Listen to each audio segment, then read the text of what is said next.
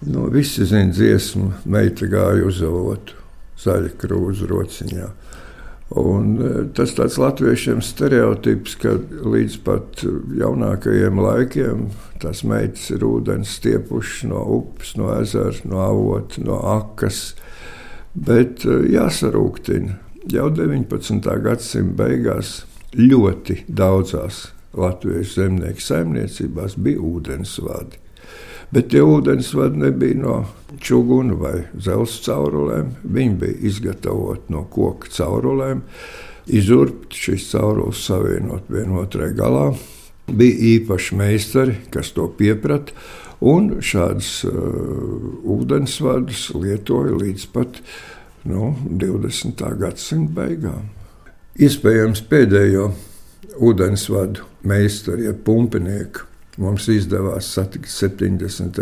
gados, Drustu pagastā, nofilmēt visu šo un ierakstīt visu šo darbu procesu. Un, eh, jā, tā kā caurulis kļuva lētāks, tad no šī amata ļoti ilgi, līdz pat 2000. gadam, vietums saglabājās koka pumpji.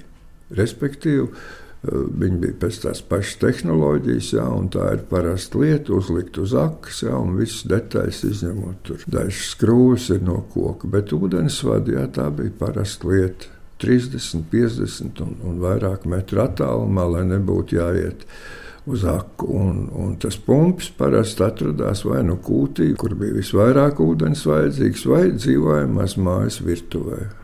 Un otrs gals akā briedis koks, tikko no meža cirsts, pilnīgi svaigs ar visu mizu, izurbi četri, apmēram 4,5 metru garan virzienā, un tad viss saliek. Tikmēr jau saimnieks ar, ar puišiem ir izracis to grāvu, kamēr pumpenieks taisa to urbi, jā, un momentāli guldi iekšā. Un, Un mēs atrakām tādu ūdensvadu pēc gandrīz 50 gadiem, un tās koku caurules ideāli saglabājušās. Vēl interesantāk ir, ka uztaisīts tā, ka viena aka, viens pumpis ir dzīvojamā mājā, un otrs pumpis ir kūtī. Un no tās vienas akas ir divas līnijas, un pēc vajadzības, jā, kurā tad vajag, tur arī pumpēt.